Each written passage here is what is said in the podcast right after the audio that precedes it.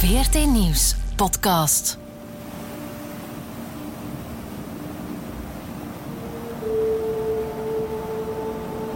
I feel conflicted having been born in Mexico, which is a few yards away, um, but having grown up and, and had a lot of my formative years here in San Diego in the US.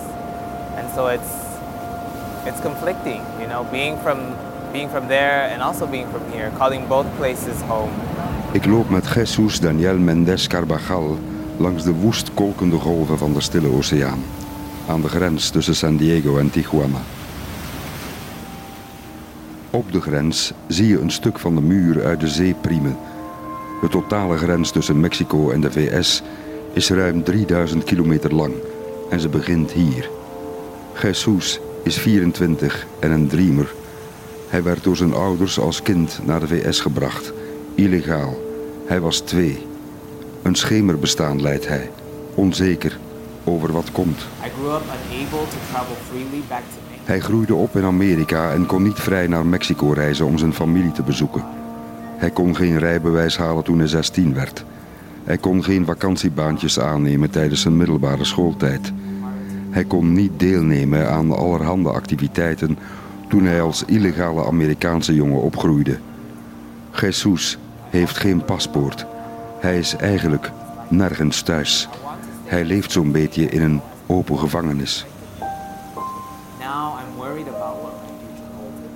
Jesus is boos. In het najaar van 2017 trekt hij daarom naar het congres om er te getuigen over zijn leven en zijn status. Jesus ziet er broos uit. Een kwetsbare vogel, een gevoelige jongen met een zacht stemgeluid en een lange paardenstaart. Hij draagt een lange lamswollen trui en stapt erg behoedzaam. In het congres drijft hij die dag voor één keer zijn volume op. Hij getuigt, hij zit vol adrenaline. Mijn cameraman registreert zijn woorden. I want to stay in this country I know as my home and be protected from deportation. I don't want to fear that anymore. We are real life human beings with real life anxieties, fears, and uncertainties induced by the end of DACA and the limbo in which the DREAM Act finds itself today.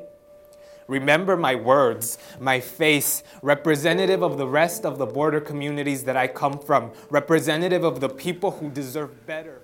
Jesus heeft sinds 2013 een voorlopige verblijfsvergunning door een presidentieel besluit van Barack Obama, de zogenaamde DREAM Act, die tijdelijke amnestie toekent aan mensen die op jonge leeftijd voor hun zestiende illegaal het land binnenkwamen. Donald Trump schafte de DREAM Act af. En vanaf toen begon de knagende onzekerheid. Het congres maakte ruzie en kwam niet tot een vergelijk voor deze 800.000 jonge, papierloze Amerikanen. Een rechter besliste om de DREAM Act voorlopig te laten voortbestaan tot het congres een stabiele wet maakt. It might be nice to disappear. To have a vanishing act. To always be looking forward. Never look over your back.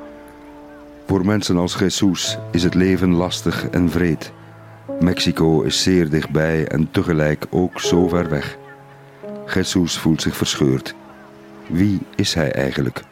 Geboren in Mexico, net over de muur, maar zonder herinneringen aan dat land. Jesus heeft zorgen over zijn familie en andere families, zoals de zijne. Ik loop een beetje te verdwalen tussen de schuimende golven van de oceaan en het stuk muur in het water. In het struikgewas langs een van de vele moerassige paadjes zie ik een gezin lopen. Ze zijn de weg kwijt. We raken aan de praat. De familieleden Cortés vertellen hun verhaal. Uh, 17 years. 17 years that you didn't see mom. Yeah. So you kids never saw her. No, not even my Ze zoeken hun grootmoeder en moeder. Na 17 jaar zullen José en zijn kinderen Rosa voor het eerst terugzien. 17 jaar. De kinderen Manuela en Juan hebben hun grootmoeder nog nooit gezien. Ik loop met ze mee naar de plek waar ze met hun grootmoeder hebben afgesproken. Rosa is helemaal uit Centraal Mexico naar Tijuana afgereisd. Een lastige tocht. In de verte ziet José haar. ¡Madre! Maar dit is een verboden zone, zeg ik ze. Je zult hier niet dichterbij kunnen komen. Hoe kunnen we haar wel van dichtbij zien? We kunnen niet voorbij dit punt. Ik leid hen de trappen op naar de speciale zone, Friendship Park. Een heel klein strookje muurpark. Een stukje grens van 15 meter breed. Geen beton, maar een doorzichtige afsluiting.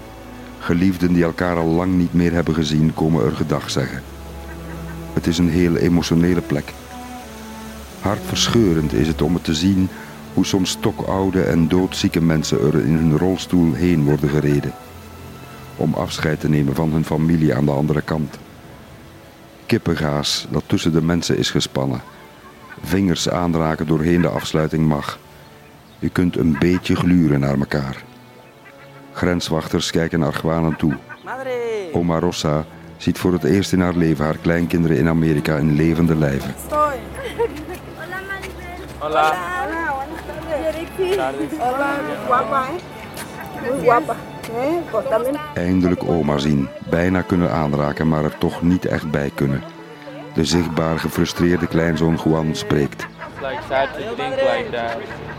Het is droevig om mensen zo van elkaar te scheiden.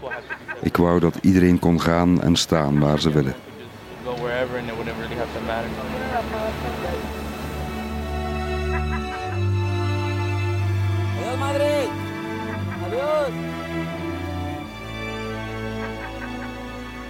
Zoveel blijven komen op de vlucht voor armoede, geweld en drugsoorlogen in Mexico, Honduras, Guatemala en El Salvador. Ze steken de grens over en als ze niet worden gepakt, zwerven ze noordwaarts Californië in, Arizona, New Mexico of Texas. Altijd zijn er citrusplantages of suikerrietvelden. Altijd zijn er huizen die schoongemaakt moeten worden. Altijd Latino-gemeenschappen die hetzelfde lot delen, dezelfde dromen delen, dezelfde bereidheid om te werken, hetzelfde verlangen naar een beter leven koesteren. Zo kwam ik ook Maribel tegen, een poetsvrouw op Staten Island in New York. Estamos con el miedo, con el susto, con la preocupación. Hay mucha gente que... Elf jaar geleden kwam ze in Amerika aan. Papieren heeft ze niet. Ze werkt in het huis van mensen die vol overtuiging voor Donald Trump stemden. Ze begrijpt het niet goed. Haar werkgevers willen mensen zoals zij deporteren. Ze roepen om een muur. Maar in één moeite door betalen ze haar lekker in het zwart voor poetswerk. Een mens, je geraakt daar niet aan uit. Jij bent één van de goeie, zeggen ze dan sussend tegen Maribel. Haar willen ze niet weg. Hoe absurd kan de wereld zijn, hoe schijnheilig. Hoe kan Amerika ooit 11 miljoen Amerikanen zonder papieren het land uitzetten? Ze werken hard. Ze doen de baantjes die niemand anders wil.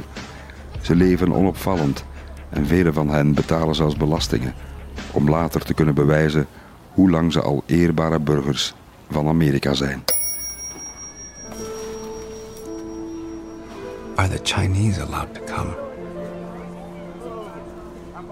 Are the Chinese here allowed to enjoy liberty as men of all other nationalities enjoy it? Free from the insults, abuse, assaults, wrongs, and injuries from which men of other nationalities are free. By the law of this nation, a Chinaman cannot become a citizen. De politieke ruzies over een streng immigratiebeleid lopen als één rode draad doorheen de geschiedenis van de VS. Ook aan het einde van de 19e eeuw en aan het begin van de 20e eeuw nam Amerika al strenge anti-immigratiewetten aan. Toen specifiek gericht tegen Aziaten, de Oriental Exclusion Act. En later ook om Joden en katholieken buiten de deur te houden.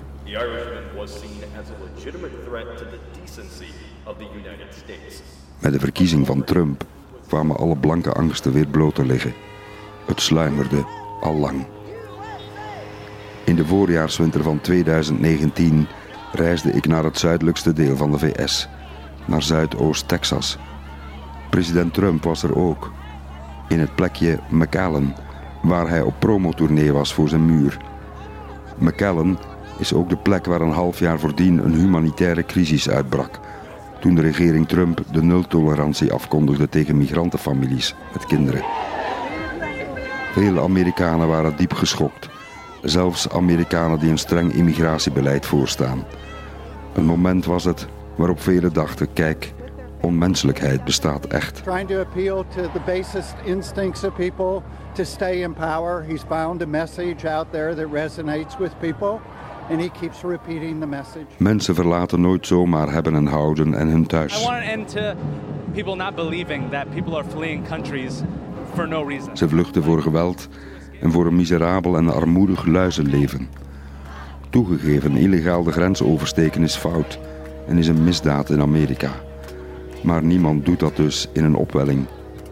Het scheiden van ouders en hun kinderen aan de grens was volgens wijle senator John McCain een affront voor het fatsoen van Amerika.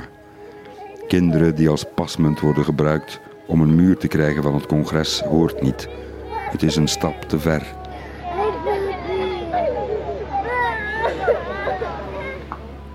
Dit was meer dan een humanitaire en politieke crisis. Het was ook een ethische crisis. 3000 of zelfs meer kinderen werden in nodeloze oorden en dagen vol tranen gestort. In kooien werden ze opgesloten. Ze huilden om hun vader en hun moeder. De geluidsopnames gingen de wereld rond. Trauma's voor altijd. De onschuld van kinderen contrasteerde enorm met de vreedheid van volwassenen. In dit geval van de regering Trump. Het leek wel vreedheid van staatswegen. Ook al gaat het om mensen zonder papieren of asielzoekers, de scheiding van kinderen van hun ouders is extreem harteloos. Zelfs vijf nog levende first ladies, inclusief Melania Trump, noemden dit beleid een grens voorbij, een morele grens. Van kinderen blijf je af. Zo'n beleid wakkert nog meer verdeeldheid aan en nog meer haat tegen de ander. Het is een politiek van angst aanjagen en terroriseren. Het is ronduit vreed.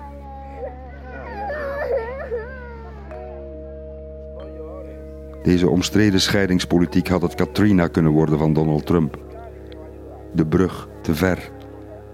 Het verschil met de echte Katrina, dat was toen in de zomer van 2005 een natuurramp en vooral een onvoorstelbaar knullige en ontoereikende reactie van president Bush Jr.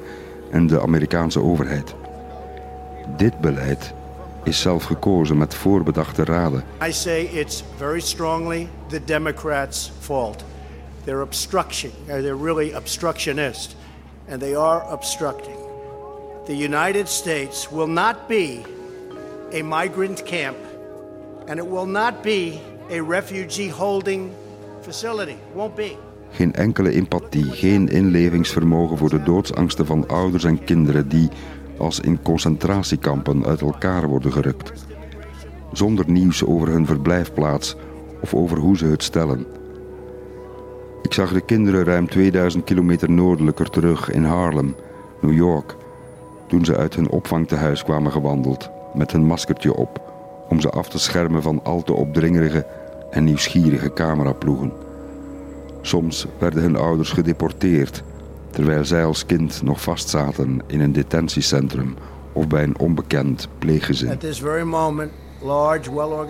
In. Texas, zoveel maanden later, sprak de president over een invasie van immigranten. Some people call it an invasion. It's like an invasion. They have violently overrun the Mexican border. You saw that two days ago.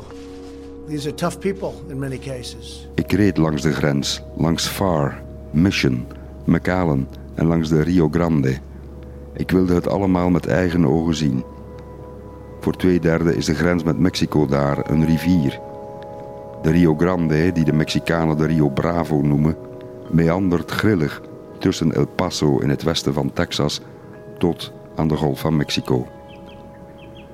Een muur bouwen op de oevers van de rivier is lastig. Bij hoogwater dreigt de muur te veranderen in een dam.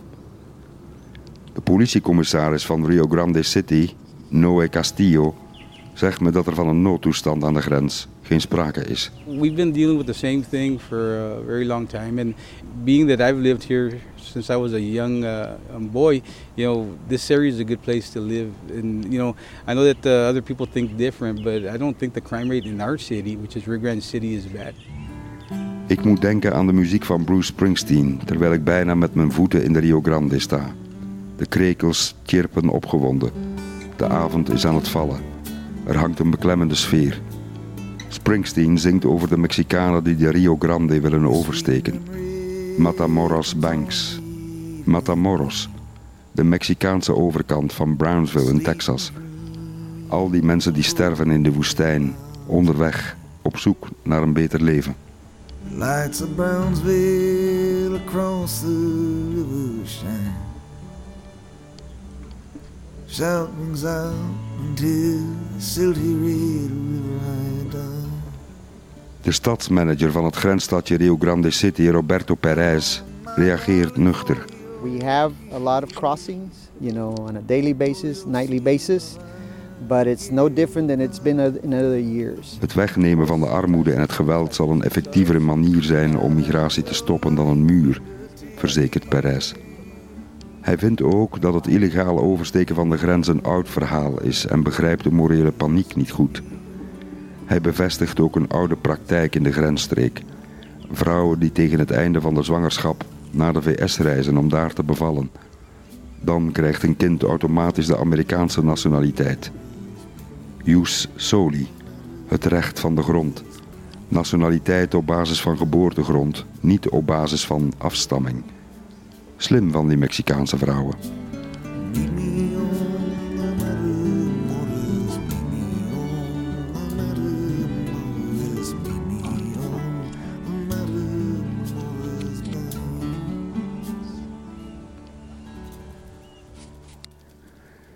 Het jaar 2000 probeerden nog 1,6 miljoen mensen de grens illegaal over te steken. Vandaag is dat aantal met driekwart gedaald. Er zijn er nu minder dan 400.000 die het proberen, het laagste aantal in een halve eeuw. Bovendien komen de meeste illegale immigranten aanvankelijk legaal Amerika binnen met een toeristenvisum. Ze worden pas illegaal nadat ze niet terugkeren naar hun land van herkomst, omdat hun toeristenvisum na drie maanden is verstreken. Stop drugs from coming into our country. We want to stop criminals and gangs. Drugs aan de grens zijn wel degelijk een ernstig probleem. Er wordt flink wat heen en weer gesmokkeld. Maar de grootste partijen drugs komen niet illegaal de grens over, maar legaal. Ze worden binnengeloodst per vliegtuig, via verborgen ladingen in zeehavens of in grote trucks die legaal de grens overschrijden. Zolang de grote vraag naar drugs als heroïne, cocaïne en marihuana vanuit de VS niet afneemt, zullen ook de narcotics blijven toestromen. Het is een wet van vraag en aanbod. Helaas. When Mexico sends its people, they're not sending their best. They're sending people that have lots of problems. And they're bringing those problems with us. They're bringing drugs, they're bringing crime, they're rapists, and some, I assume, are good people. But I speak to border guards, and they tell us what we're getting. Het klopt overigens niet dat immigranten al of niet legaal meer misdaden plegen dan andere Amerikanen. Elke statistiek spreekt dat tegen. Het is een leugen. Nee, bij de mensen die de grenzen oversteken zitten niet vooral dieven, verkrachters en moordenaars, zoals de president beweert. Het zijn vooral dromers. Dromers van een Amerikaanse droom. Immigranten plegen juist minder misdaden, omdat ze braaf dromen van dat betere leven. Een leven van hard werken in Amerika, het beloofde land. Een beleid dat zich meer richt op succesvolle assimilatie van de nieuwkomers via taal, zou de wind uit de zeilen kunnen nemen van de populistische golf die de VS overspoelt, schrijft Francis Fukuyama in zijn boek Identiteit. Goed ingeburgerde migranten dragen bij aan de diversiteit van de samenleving. Als inburgering wordt verwaarloosd, dan is migratie tot mislukken gedoemd en een mogelijk gevaar voor de staat die de migranten opneemt, besluit Fukuyama. Amerika is gebouwd op immigranten. Amerika heeft veel immigranten nodig om zijn economische groei te ondersteunen en zijn sociale zekerheid te stutten. Dat zijn de koppige en onweerlegbare feiten. Ik zie het elke dag in mijn buurt in New York, waar zo'n 180 nationaliteiten naast elkaar leven en hun tering en nering doen. Allemaal Amerikanen. In Brooklyn hoor je in de verte de soundtrack van de immigrant galmen, met de krachtige stem van Neil Sedaka.